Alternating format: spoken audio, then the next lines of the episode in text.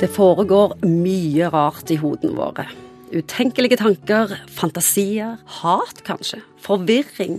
En kan jo tenke at hadde folk visst hva han går rundt og tenker på, så hadde vi blitt sperra inne, og noen hadde kasta nøkkelen.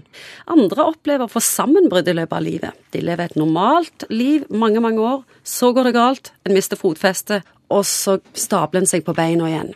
Egon Hagen, psykolog, jeg spør deg alvorlig, når er du galen? Det som på en måte enten i en faglig sammenheng eller en juridisk sammenheng knytta til galskap, det handler om at du greier ikke lenger å sortere den indre og den ytre virkeligheten, sånn at du kan føle at du er styrt av tanker utenfra, eller at du kan påvirke ting bare med å tenke på det.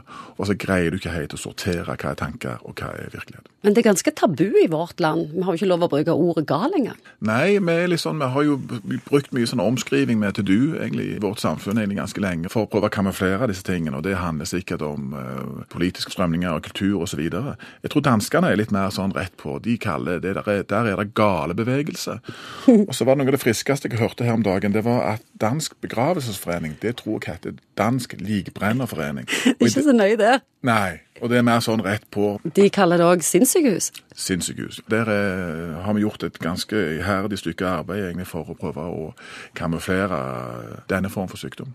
Hva tenker du om det? Ja, du kan si Det som er vanvittig bra på uh, Stavanger universitetssykehus, der jeg jobber, det har det vært et, over mange år et prosjekt som heter TIPS, som er opptatt av å tidlig identifisere folk som kan stå i fare for å utvikle en alvorlig sinnslidelse.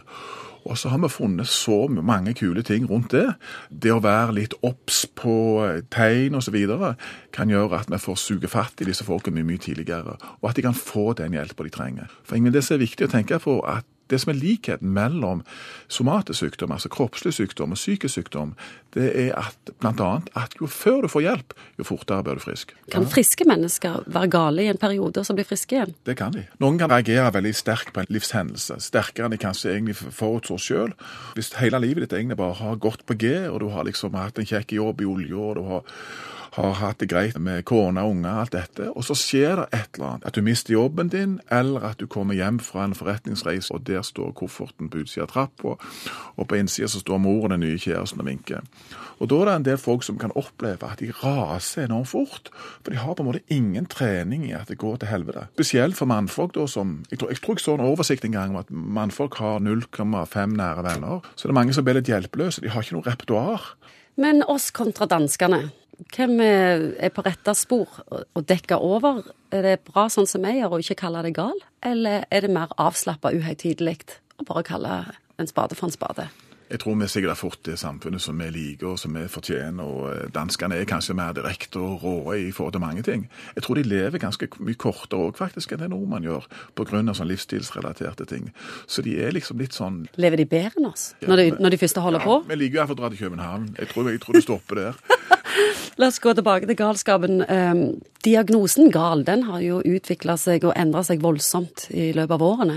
Ja, du kan si det at eh, det som er viktig å være klar over, at eh, før klopromasin kom, er som er et, et antipsykotisk middel, som litt sånn tilfeldig ble oppdaga en gang på 50-tallet, så var det å være på psykiatriske avdelinger en helt, helt annen opplevelse enn det å være der i dag. Så jeg vet at dette er kontroversielt, og at mange mener at psykofarmaka er en dårlig ting. Jeg er ikke tilhenger av det. På mange måter så har jo det revolusjonert egentlig psykiatrien. Og så har det selvfølgelig vært ting historisk sett i psykiatrien i forhold til lobotomering osv.